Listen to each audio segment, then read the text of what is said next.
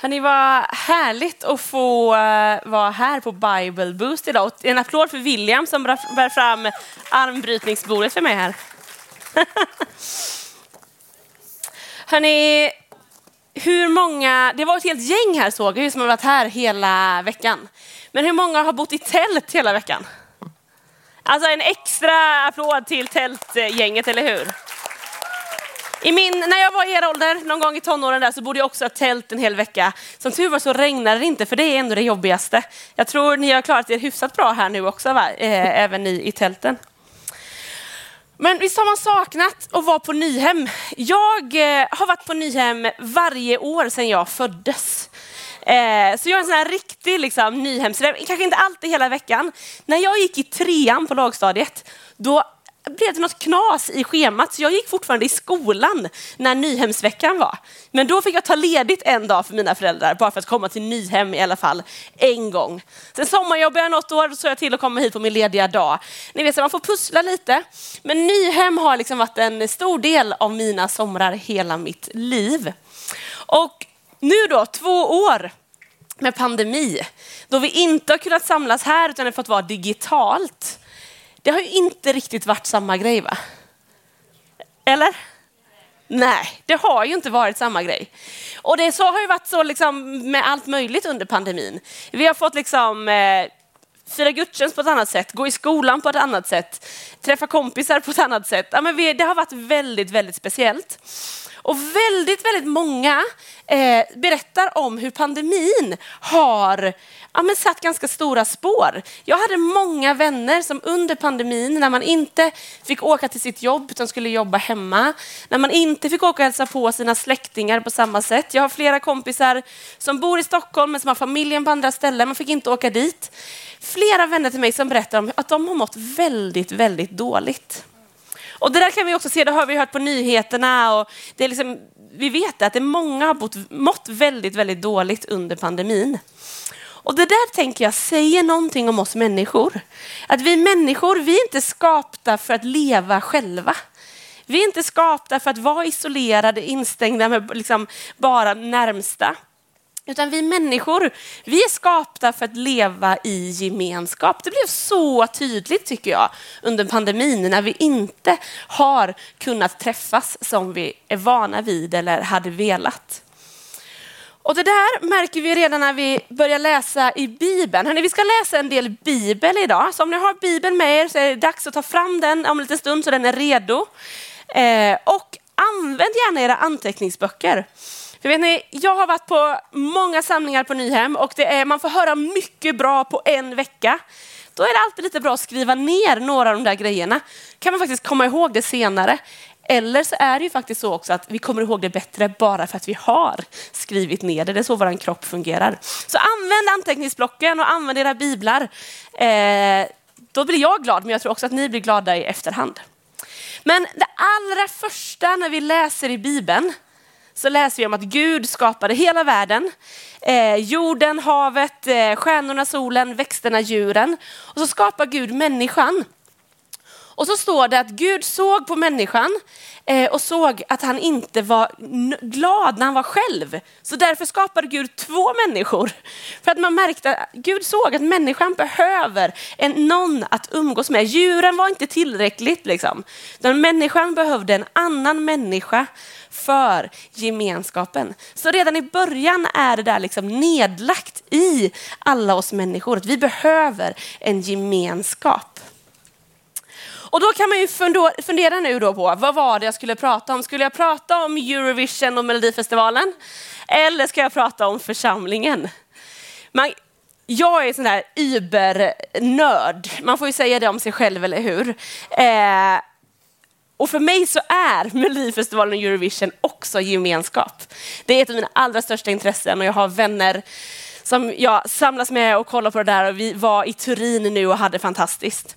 Men det som ändå klår den gemenskapen, det är faktiskt församlingen och den gemenskapen som finns i församlingen.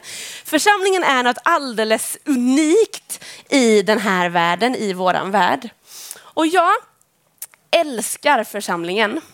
Och ni vet när man älskar någonting eller någon så kan man ju liksom, det finns, blir ju starka känslor åt båda hållen ibland.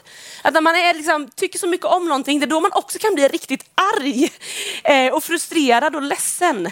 När det är någon av ens bästa vänner som säger någonting till en som inte var så schysst. Då blir jag mer ledsen än om det är någon som inte ens känner mig. Så församlingen, jag älskar församlingen. Jag kan prata massor om församlingen, och, men jag kan också bli ganska ledsen ibland. I, liksom när vi pratar om församlingen, när vi ser att det inte funkar eller när människor blir sårade eller besvikna i församlingen. För det händer ju, för att vi är ju också människor som samlas i det där. Men vi ska prata lite mer om församlingen alltså. Eh, när jag tänker på församling så tänker jag ibland på när jag gick på högstadiet. Då gick jag i en skola som låg ganska nära centrum i staden där jag bodde. Och ganska ofta så på lunchen drog vi ner liksom och köpte en glass på McDonalds eller något sånt där. Och ganska ofta så träffade jag människor då i centrum som jag hejade på, vinkade till och, som så här. och mina kompisar sa, men Frida, hur, hur, känner du? Var det din mormor? Jag bara, nej det var inte min mormor. Nej, var det farmor då? Jag bara, nej det var inte min farmor. Men hur kan du då känna någon som är så gammal om det inte är din släkting? Och jag bara, nej men det var ju Maj i kyrkan. Henne träffar jag ju varje söndag och vi är liksom eh, vänner. De bara, ha. Så gick man lite till och så träffade man någon eh, medelålders eller någon barnfamilj och så kände jag dem också fast vi inte var släkt. Och det där tyckte mina klasskompisar var något helt unikt. Att jag kände människor som fanns i olika åldrar och i olika delar av vår stad utan att vara släkt med dem. Jag hade liksom en extended family kan man säga, en lite större familj som var min församling. Och det där tänker jag ganska ofta på. Och senast igår kväll satt jag här uppe och käkade tacos. Och då kom Gun-Britt fram som är med i eh, min församling i Philadelphia, Stockholm där jag finns nu i min församling. Så kom hon fram till mig och sa Frida, jag har inte ditt telefonnummer, kan jag få det? Så fick hon det. Hon, hon bara, nu ringer jag upp dig så har du mitt. Smsa mig om det är något jag ska be för så ber vi för dig. Det där är församling. När Gun-Britt, jag vet inte hur gammal hon är men vi drar till med att hon är, hon är 70 plus i alla fall, säger skicka ett sms så ber jag för dig.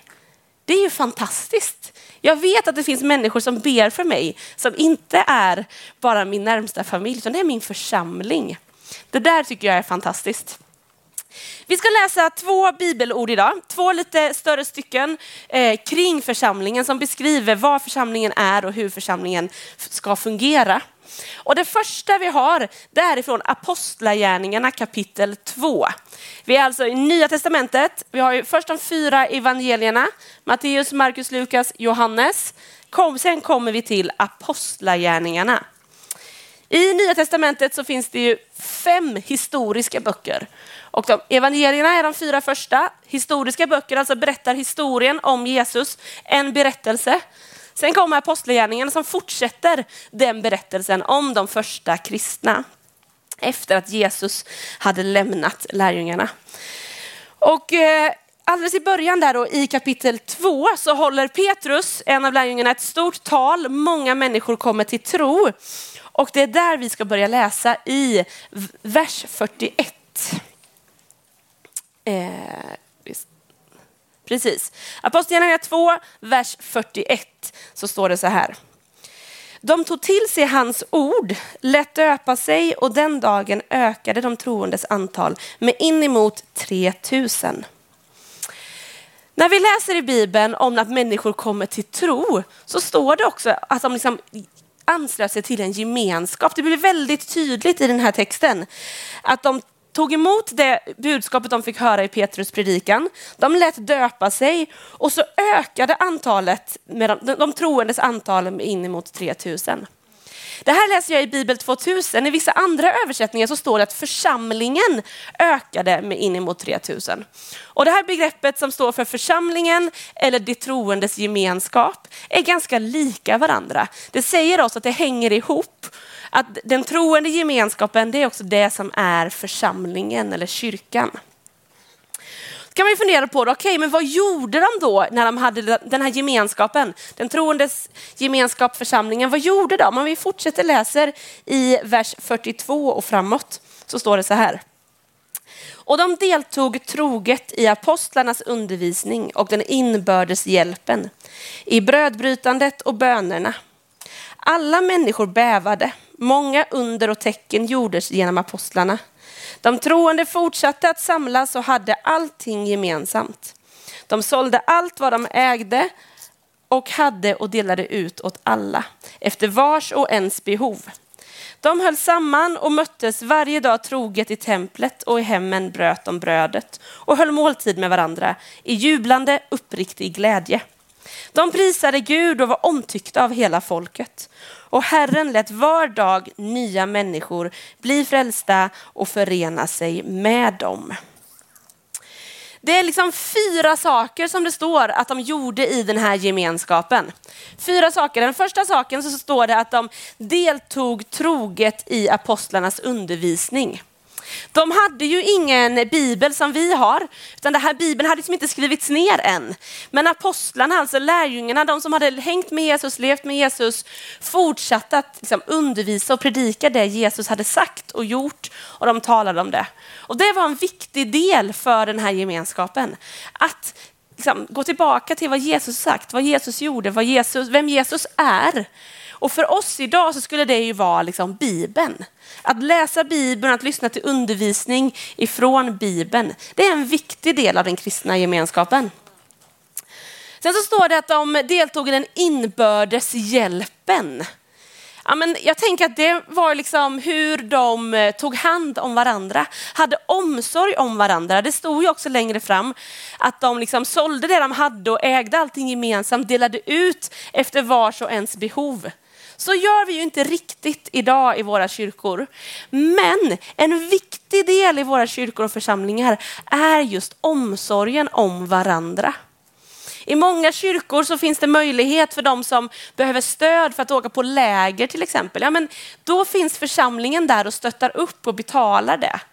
Eller människor som behöver hjälp med olika saker. Jag vet, det finns många, många kyrkor som har så här sopplunch eller bjuder på lunch till hemlösa. Men det är en viktig del av församlingens liksom, liv att hjälpa den som behöver hjälp, stötta den som behöver stöttning, omsorg om den som behöver extra omsorg. Ehm, det är en viktig del och det var det redan här i den första församlingen. Den tredje grejen som det står om är att de deltog i brödbrytandet. Alltså de firade nattvard tillsammans, delade liksom den närmsta gemenskapen i församlingen med varandra. Jesus hade ju sagt att ni ska fortsätta att fira nattvard, mötas i hemmen, mötas och delta i den här gemenskapen tills jag kommer tillbaka. Och det fortsätter de med redan så här direkt på. Och bönerna, ja, men de bad tillsammans. Vet du, jag kan lova dig att om du finns med i en kyrka så finns det många som ber för dig i den kyrkan. Jag hör nästan varje söndag när jag är i kyrkan och barn och ungdomar är med på olika sätt.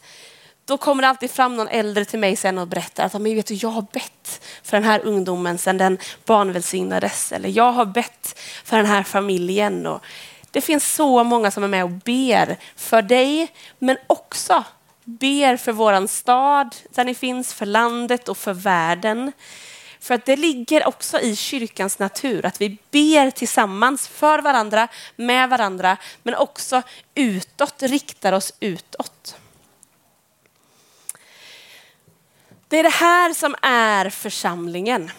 Igår så predikade jag på Kids Plus och precis som här så har de en frågelåda eller så efteråt. Här har vi ju Q&A sen efter jag har talat. Då var det en av frågorna där var så här, varför är det bara kyrka en gång i veckan? Och då kan man ju fundera på, ja, undrar hur, hur, man tänker. För när man säger att det, varför är det bara kyrka en gång i veckan? Det är ju sant. Oftast så träffas vi ju i våra kyrkor kanske på söndagen och firar gudstjänst. Eller kanske fredagskvällen och har någon typ av ungdomssamling. Det är då vi möts och det är då vi samlas och det är då vi liksom ses. Men när vi läser det här så märker vi att det sträcker sig så långt mycket mer än bara den där stunden jag är i kyrkan. Att vara församling, att vara kyrka är inte bara det som sker under den där samlingen där och då, utan det är också det som händer i veckan. När Gun-Britt ber för mig en onsdag för att hon kom på att jag står på hennes bönelista, det är att vara församling. Eller när eh, besöksgruppen från vår kyrka åker ut till fängelset på torsdagskvällar med fika. Det är ju att vara församling. Det är att vara kyrka. Det är inte bara det som händer en gång i veckan, även om det är då vi, vi oftast träffas. För kyrkan är ju inte bara byggnaden och liksom där vi är, utan vi får vara kyrka varje dag. Du får vara kyrka där du är i din skola med dina klasskompisar där du finns i din fotbollsförening eller där du hänger på seglarlägret i sommar eller vad du ska göra. Där får vi vara med. Och som troende så får vi vara kyrka utspridda på olika platser. Vi ska läsa det andra bibelordet eh, om församlingen och det hittar vi i första Korintierbrevet kapitel 12. Så vi bläddrar vidare förbi Romarbrevet och sen kommer vi till första Korintierbrevet. Och där har vi kapitel 12. Och vi har kommit in i breven i Nya Testamentet. Och väldigt, väldigt många av breven är ju skrivna av Paulus och det är första Korintierbrevet. Det är skrivet av Paulus. Och Paulus han eh, skriver till församlingen i Korint och ska förklara för dem liksom, ännu mer om hur församlingen fungerar och vad församlingen är. Och då i vers 14 börjar vi läsa. Så står det så här. Kroppen består inte av en enda del utan av många. Om foten säger jag är ingen hand, jag hör inte till kroppen, så hör den lika fullt till kroppen. Och om örat säger jag är inget öga, jag hör inte till kroppen, så hör det lika fullt till kroppen. Om hela kroppen var öga, vad blev det då av hörseln? Och om allt var hörsel, vad det, blev det då av luktsinnet? Men nu har Gud gett varje enskild del just den plats i kroppen som han ville. Ögat kan inte säga, vi hoppar till vers 21 nu, hoppar över några verser. Till vers 21. Ögat kan inte säga till handen, jag behöver dig inte. Och inte heller huvudet till fötterna, jag behöver inte er. Och sen de två sista verserna, vers 26 och 27. Lider en kroppsdel så lider också alla de andra. Blir en del hedrad så gläder sig också alla de andra. Ni utgör Kristi kropp och är var för sig delar av den. Alltså Paulus han talar om eh, kyrkan, församlingen som en kropp. En kropp där alla delar behövs. Och så säger han att ni är Kristi kropp. Alltså Jesus finns inte längre fysiskt i den här världen. Men han säger att nu är det ni som är Kristi kropp. Församlingen får alltså gestalta Jesus i våran värld. Och det där är ju ett fantastiskt uppdrag vi har fått. Men i en värld som vi lever i som präglas så otroligt mycket av individualism så tänker vi ofta, men vad får jag egentligen ut av att gå till kyrkan då? Behöver jag verkligen vara där? Men jag behöver inte kyrkan, jag klarar mig ganska bra själv. Vi har hela tiden ett tänkande av liksom, what's in it for me? Är det någon här som kan den Amy Diamond-sången eller? Det är, bara, ja, det är några av ledarna här, precis. What's in it for me? Hon sjunger hela tiden, jag måste veta, varför ska jag vara med här? Vad får jag ut av att vara i det här sammanhanget? Och så lätt tänker vi så också. Jag pratade med en kvinna i min församling som berättade om sina barn. Ett av barnen är med i kyrkan och det andra barnet är inte det. Så hade hon pratat med henne och så sa hon, äh, men du mamma, jag behöver inte kyrkan, jag kan vara kristen ändå. Och då berättade eh, Monica, min vän i församlingen, att vet du, församlingen kanske behöver dig. Och det där tror jag att hon liksom fick fundera lite på sen. Att det behöver inte bara handla om att jag behöver inte det här. Jag vill inte det här. Jag tycker att det här är tråkigt. Utan också tänka att när jag kommer hit, då är jag här för någon annan då kan det få betyda något för någon annan. Någon annan bara ser att du finns med. Att du använder det du tycker är kul och dina gåvor och det du är duktig på gör att församlingen berikas och vi blir en, en fungerande kropp. För tänk om handen skulle säga, nej men jag vill inte vara med. Nej, men då funkar inte min kropp längre på samma sätt. Då måste jag anpassa hur jag använder min kropp. Eller om jag inte skulle ha en fot, ja, men då skulle jag behöva liksom på ett annat sätt. Om ett öga var borta, ja, men då, nu ser jag helt plötsligt inte på den här sidan, jag ser bara er. Det blir liksom inte vad det var tänkt att vara om någon del i kroppen försvinner. Och på samma sätt är det i församlingen.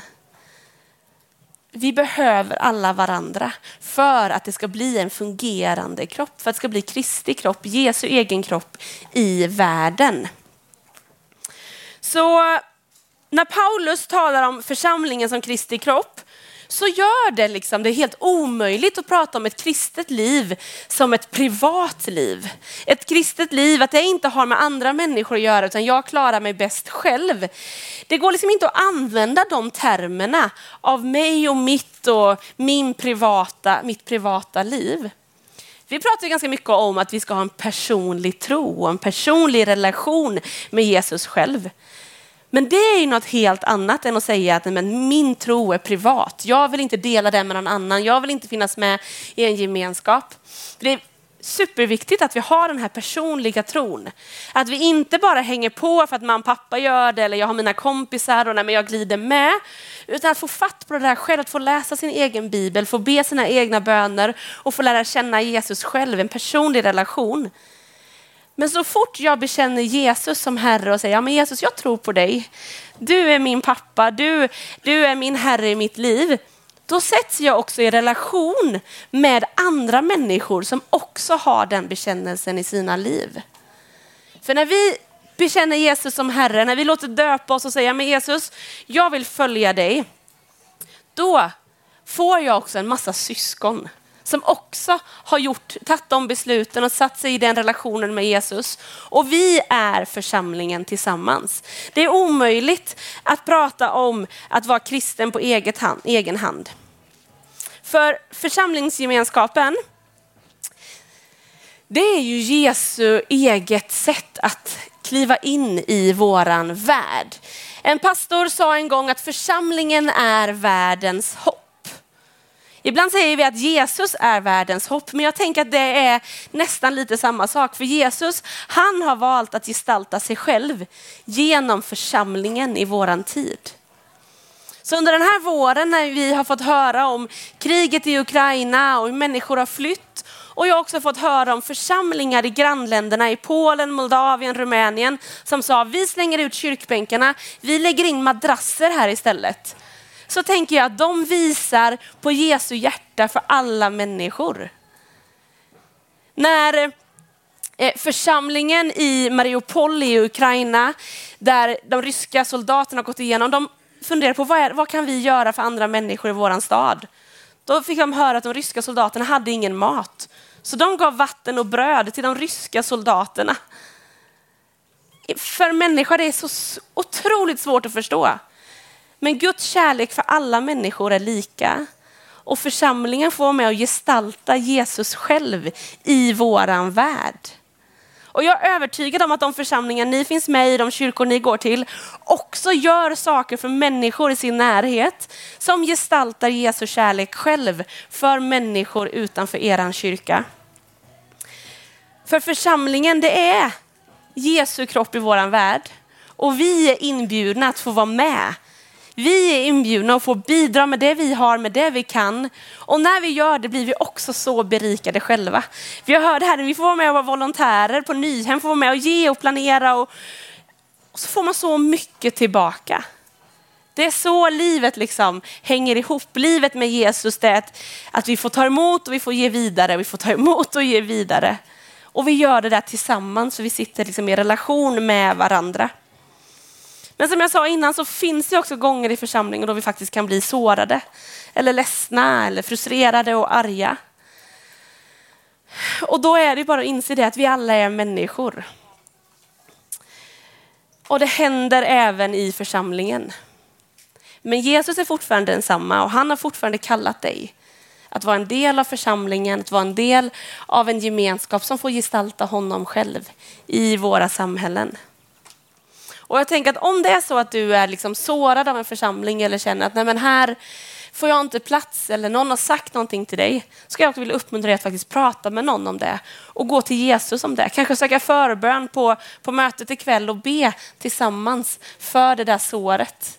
För församlingen, där sätts vi i liksom relation till varandra. En gemenskap där du är inbjuden och där vi får vara med och gestalta Jesus själv i våran värld.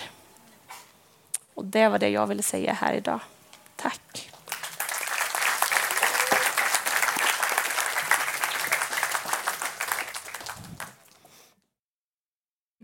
Eh, varmt välkomna till dagens Q&A. Jag heter William och med mig har jag... Frida. och Louise. Gött att ni kunde komma. Tack William. Kul. Underbart. Alltså Q&A hörni. Det är ju alltså questions and answers. Och eh, det vi, vi har erfarit här under veckan att det kommer in väldigt mycket frågor. Eh, och vi svarar på så många som vi hinner under den, här, under den här stunden. Och jag hoppas inte att du sitter här inne och känner dig besviken under veckan och bara åh, de tyckte inte min fråga var bra. Typ så. Utan för så är det inte. Utan det handlar om tidsmässigt och eh, vi vill kunna svara på alla frågor. Därför har vi varje dag också uppmuntrat dig till att stanna kvar här. Frida dröjer kvar några minuter efter mötet. Samt jag och William.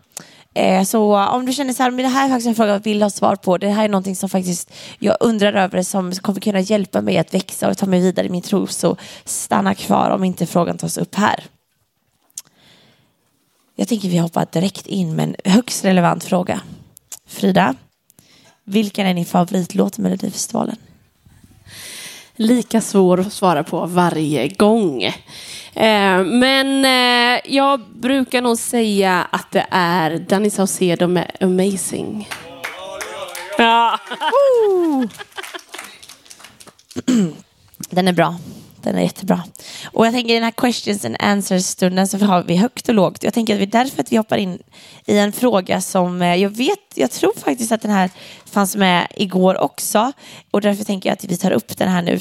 Eh, och jag tror att det är någonting som många undrar. Finns det synder som är värre än andra? William. Vill du börja på den Frida? Ja, men, alltså, när man pratar om synd så brukar vi säga- att det är ju att saker som skiljer mig ifrån Gud. Eh, och jag tänker att saker, alltså, om någonting skiljer mig ifrån någonting så är jag ju fortfarande, om det är en liksom tunn vägg eller en tjock vägg, förstår ni vad jag menar? Så är jag ju fortfarande skild ifrån från det som är på andra sidan. Ja. Men sen så finns det ju också sånt som skiljer oss från Gud, alltså synder som också sårar andra människor och Ja. kanske blir olika stora konsekvenser av det. Precis. Eh, så jag skulle säga att det finns ju saker som sårar andra eh, och fler eller liksom på olika sätt. Och på så sätt så kanske man kan tänka att det finns större och mindre synder, men inte på så sätt att det är något som är mer okej än annat. Nej, Förstår ni hur jag tänker? Precis. Ja, och att jag tänker att alla synder blir lika förlåtna av Gud, vare sig om de är stora Ja. eller inte. Och jag tänkte att både ta det här till liksom som person, man kan också råka göra saker som skadar en själv eller skadar människor runt omkring som tar längre tid att reda ut. Men det betyder inte att förlåtelsen från Gud inte kommer direkt. Men ibland tar saker lite längre att reda ut. Det vet jag i alla fall personligen. Eh, ja. Jättebra. Hoppas att det var svar på din fråga. En annan fråga är, jag tänkte på grejen med kyrkan och att inte vara och inte vara i ensamhet. Vad händer om man inte har kristna vänner? Och vad händer om man dejtar? Det är två frågor igen. Vad händer om man inte har kristna vänner? Och vad händer om man dejtar en kille från en annan religion? Ska vi börja med det här med att inte vara ensam och inte ha några kristna vänner? Vad gör man liksom? Ja, men precis. Och det där kan ju vara lite olika, för jag tänker att eh, första tipset är ju att, att uppsöka en kyrka, om det inte är så att man redan finns i en kyrklig gemenskap, i en församlingsgemenskap. Men så finns det ju kyrkor där man kanske är ganska ensam i sin ålder eller ensam med sina intressen och sådär. Men på ett sätt så tänker jag att om jag bara tänker från mitt eget liv. Jag hade ganska många kompisar i kyrkan när jag var liten. Men ingen som egentligen kanske var sådär, hade exakt samma intressen som Nej. eller var jättelika. Men vi hade jätteroligt ihop ändå. Men sen tänker jag också att det finns ju olika kyrkor kanske i den stad där man bor. Man kan också leta reda på några kompisar där. Och i skolan, på många skolor så finns det ju kanske en kristen skolgrupp och med andra troende som man kan hitta en gemenskap med. Eh, och ett annat tips som också betydde mycket för mig när jag var ung, det var att jag lär ju känna kompisar här på Nyhem som bodde i andra städer. Att faktiskt se till att byta nummer med dem och liksom, eller kontaktuppgifter så man kan fortsätta ha kontakt. Snap. Kanske ses på andra ställen, Snap eller vad man nu använder för olika sociala medier. Eh, och fortsätta ha den gemenskapen fast man inte bor på samma ställe. Så bra. Precis, och jag tänker att, eh, att eh, jag tänker också så här, åk på typ Nyhem. Åk på andra konferenser som är liksom utbrett över Sverige. Åk på läger. Eh, sk- och liksom knyt kontakter med, med människor som finns där. Eh, och, och nu som vi nämnde igår, att nu lever vi som sagt i en fantastisk värld där vi kan ha telefoner och så vidare. Men jag tänker så här, eh, oavsett om du är ensam just nu så betyder inte det att du behöver vara ensam. Du är inte ensam, men jag tänker så här kompismässigt och sådär. Utan våga ta ett steg ut och liksom åk på, åk på Nyhem och, och, och sådär. Ehm, och försök liksom också be över det. Om det är en längtan i dig att du ska få ha kristna vänner så tror jag att Gud vill, vill hjälpa dig. Så våga sätta ord på, på din längtan och din, det som ligger på ditt hjärta till Gud. Får jag, får jag berätta lite personlig Absolut. erfarenhet här? Ja. För eh, många år sedan så kom, flyttade jag till en ny stad, ett nytt sammanhang. Och så lärde jag känna en eh, tjej där som blev en av mina bästa vänner. Vi är fortfarande kompisar. Men hon berättade efter ett tag när vi hade hängt tillsammans där att sommaren innan jag flyttade dit så hade hon eh, och en av hennes ledare bett mycket för att hon skulle få eh, en ny kompis. För att hennes kompisar hade flyttat. Hon gick fortfarande på gymnasiet men hennes kompisar hade tagit studenten och flyttade. Och så kom jag dit och fick vara hennes bönesvar helt ovetandes. Jag hittade bara en kompis jag klickade med. Men hon hade bett den sommaren om att hon skulle få en, eh, en vän. Så det, jag vill verkligen bara uppmuntra att fortsätta, precis som Louise sa här, be också för det. Så tror jag att Gud kommer sända människor i din väg. Så himla bra. Och en annan fråga som går lite hand i hand i det och någonting som du pratar om att så här, församling är familj och församling är, liksom, är ju det som är kärnan på något vis eh, i gemenskap. Eh, då skriver det så här. Jag känner inte att min församling är en familj. Det är väldigt inom situationstesten, inom situationstecken religiöst, om ni förstår vad jag menar. Vad kan jag som ungdom, gör, ungdom göra för att hjälpa till att förändra det till det bättre? Mm. Vi kanske ska bena ut så här med vad vi tänker när det är väldigt religiöst.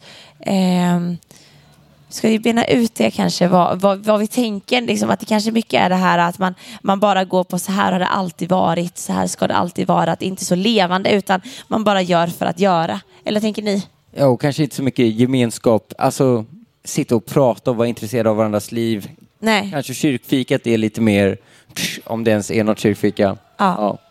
Men om man känner så, då, det är kanske fler som stämmer in i det så här, men min, min församling känns inte som min familj. Hur kan man göra för att, för, för, för att gemenskapen ska bli familjär? Liksom? Ja, men, eh, jag tror man kan börja i det lilla. Ja. Kanske. Att försöka hitta några som man själv känner så här, bara, ah, men de, här, de här börjar jag dela livet med. Vi börjar be tillsammans, kanske hitta en, en mindre grupp, en mindre gemenskap. Liksom. Och så också tänker jag, så här, ställa frågor. Jag brukar försöka tänka så här, att också så här, fråga dem jag möter i kyrkan. Ja, men, vad jobbar du med? Eller vilken skola går du i? Vad händer just nu? Och sen kanske man, man kan följa upp det liksom, när man träffas nästa gång. Ja. Att liksom, aktivt försöka då faktiskt lära känna de andra lite. För det är också då man får ett förtroende för andra människor. Ja. Och också kanske hitta på, men liksom, snacka med någon, någon mer, någon ledare eller någon vuxen. Bara, kan vi inte bjuda in till en tacokväll i kyrkan? Eller liksom, göra någonting då. Om man tycker att det är mycket så här, det är bara gudstjänster. Och liksom, Gör något som också främjar gemenskapen. Ja. Det där två hänger ju verkligen ihop. Jag tänker också att eh, alltså ibland så tänker vi att allting ska vara väldigt så här, vi ses bara när vi firar gudstjänst, vi ses bara på bönemöten. Men jag tror också Gud har ju lagt ner saker och ting i era liv och i våra liv eh, som är liksom eh, hobbys och intressen och gåvor. Jag tänker Tänk om, tänk om du skulle kunna i din församling få starta upp, jag personligen älskar att baka, tänk om jag skulle få starta upp en bakningsgrupp. Tänk om du skulle få starta upp en, en idrottsgrupp där ni ses och idrottar en gång i veckan, där alla åldrar är välkomna. Våga gå ut och göra en sån grej trots att du är kanske ung. För jag tror att det på något sätt också är en nyckel att vi, som Frida säger, att vi får, göra, vi får liksom leva i gemenskap och enas kring någonting, både kring Jesus, vem han är, men också kring någonting praktiskt. Eh, så jag verkligen skicka med det. Använd dina intressen och dina hobbys. Eh, samlas och uh, sjung tillsammans. Jag vet inte, you name it.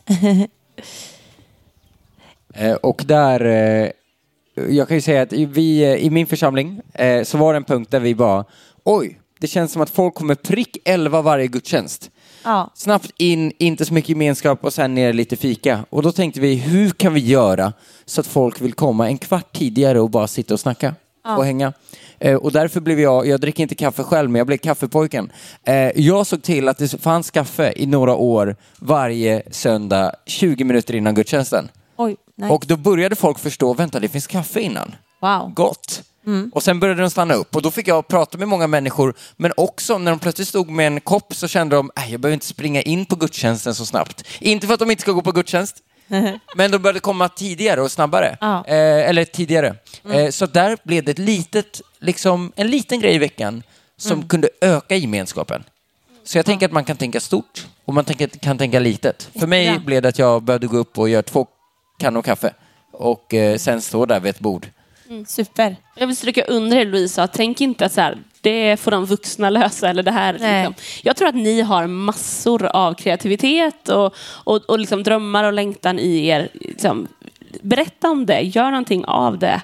Jag vill verkligen bara uppmuntra er att ta de kliven. Liksom. Och är det så att det blir lite praktiskt problem att så här, men jag- vi har inte pengar till detta eh, och er församling kanske har en stram ekonomi så finns ju Pingstung eh, där ni kan liksom skicka iväg ett mejl. Det här skulle jag vilja göra i min församling. Kan ni hjälpa mig med detta? Eh, för de finns ju och eh, liksom våra rörelser finns ju till också för er. Eh, och det, det nämner vi inte så ofta men, men eh, ni får jättegärna ta kontakt med de som jobbar på kontoret och bolla grejer med dem.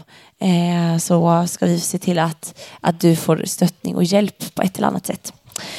Jag har fått en heads-up på att vi glömde datingfrågan. Ja. Eh, vad, säger, vad säger Bibeln och vad, vad, vad ska man tänka kring att dejta någon som kanske inte tillhör samma religion, kanske tillhör en annan religion och så vidare? Hur tänker man? Jag är ändå van dejt. Nej.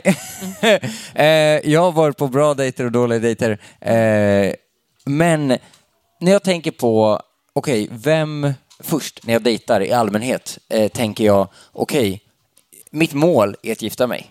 Inte, inte att nu ska vi gifta oss direkt, men jag tänker att jag träffar den här personen för att se, är det här någonting som kan vara långsiktigt? Eh, Första dejten tänker jag alltid, eh, vill jag träffa den en gång till? Andra dejten tänker jag, vill jag träffa den en gång till? Men när man börjar träffas ett tag, ganska länge, så tänker jag att nu kanske man ska börja fundera, okej, är det här en person som jag kan tänka mig att spendera en längre tid med? Så low bar från början. Eh, någonting jag själv kollar på är liksom, vad har du för riktning i ditt liv? Liksom? Eh, vad, vad bryr hon sig om? Vad, vad finns hjärtat? Vad, vad finns det för liksom... Eh, vad vill man göra med livet? Och vad finns det för värderingar? Vad, vill man, vad tycker man är viktigt? Och där är liksom där jag börjar personligen. Eh, vissa personer kanske tillhör en annan religion, har inte så mycket tankar alls om religion i allmänhet. Andra är, har väldigt bestämda åsikter. Och ibland kan de där klascha lite på ett, ett svårt sätt. Ehm, så, oj, nu blåser det här. Ehm, och därför tänker jag att det är viktigt att se så här, okej, vad är någonting som är non-negotiable för dig? Alltså det här är så viktigt så att det går inte att diskutera om. Kanske vad en människovärde eller hur en familj ska se ut eller liknande.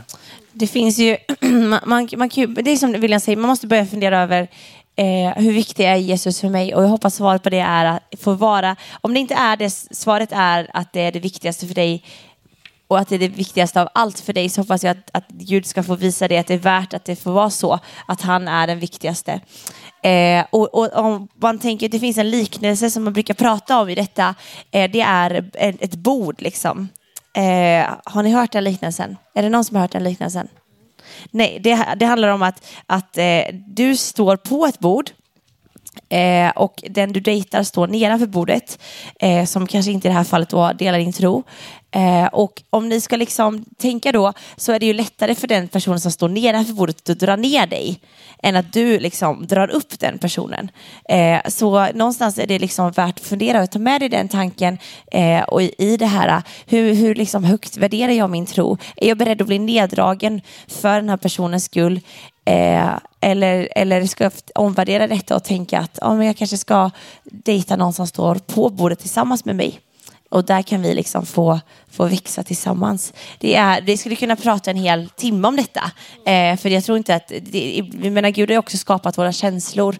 Eh, och han, han liksom vill att vi snackar med honom om detta. Så är det så att du kanske är kär i någon som, som inte delar din tro, skäms inte över det. Ta det med Gud. Så eh, liksom vill han snacka med dig om det.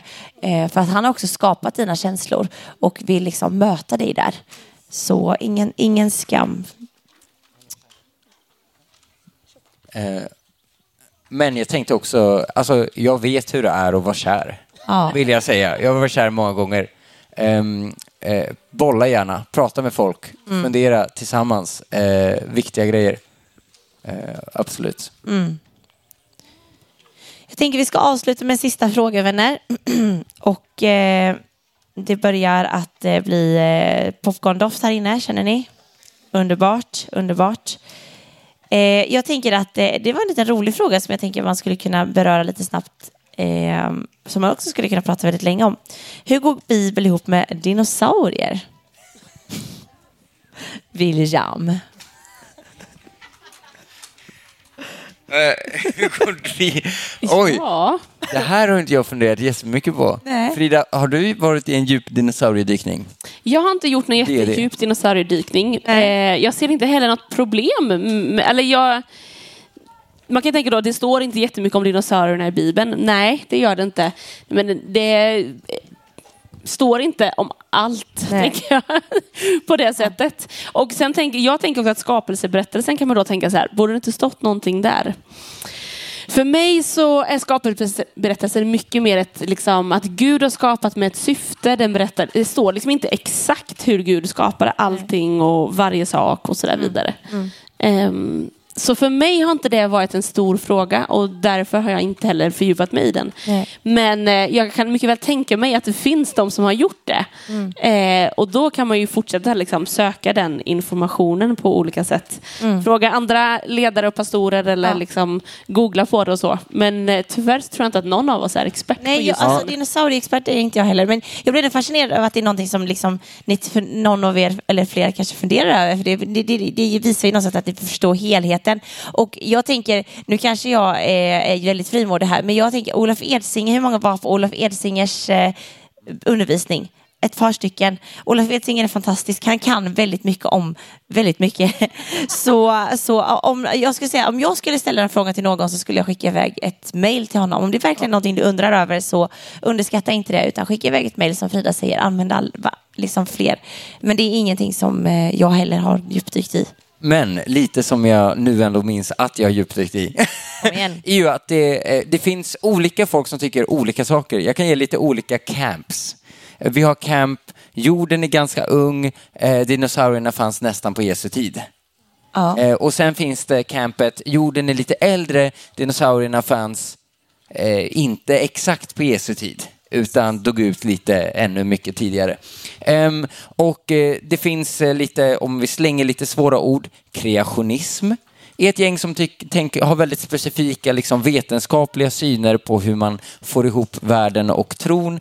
Ehm, och man kan ganska lätt hoppa ner i olika slags hål och undersöka, undersöka och förstå att det finns ganska breda vyer av, av liksom vad, hur folk tänker och hur folk funderar. Ja. Eh, för mig, och det här låter kanske som ett billigt svar, men jag tänker att ett, Gud har skapat, eller han är mäktig att skapa världen, då kan han skapa den lite hur han vill. Ja. Eh, och vi har, vi har sett att djurarter har gått eh, fram och tillbaka, har funnits och inte funnits. Eh, men också att jag inte tror personligen att det här är en fråga som har med frälsningen att göra Precis. jättefast. Jag tror inte att det är att, om du märker att ni har i kyrkan, för det har vi i vår församling, vi har folk som tycker jätteolika om skapelsefrågor. Alltså vi har doktorander på superhög nivå, Stockholm, många universitet, eh, som forskar liksom inom sådana här saker, som tycker olika från vad vissa pastorer tycker och olika om varandra. Men vi samlas på gudstjänst och vi ber tillsammans Precis. och vi firar gudstjänst. För Ja. det, det, en, det kan vara en viktig fråga och en viktig fråga att sätta sig in i. Men det är ingen fråga som jag tror påverkar vem Gud är. Frågan man mer ställer sig kanske är, okej, men hur gjorde Gud då? Ja. Och om du har den nyfikenheten, kör. Kör ja. Absolut. Och bolla med folk. Ja. Eh, men jag tror inte att jag har en fråga, det är inte en fråga om så här, var det en velociraptor som satte upp Jesus på korset?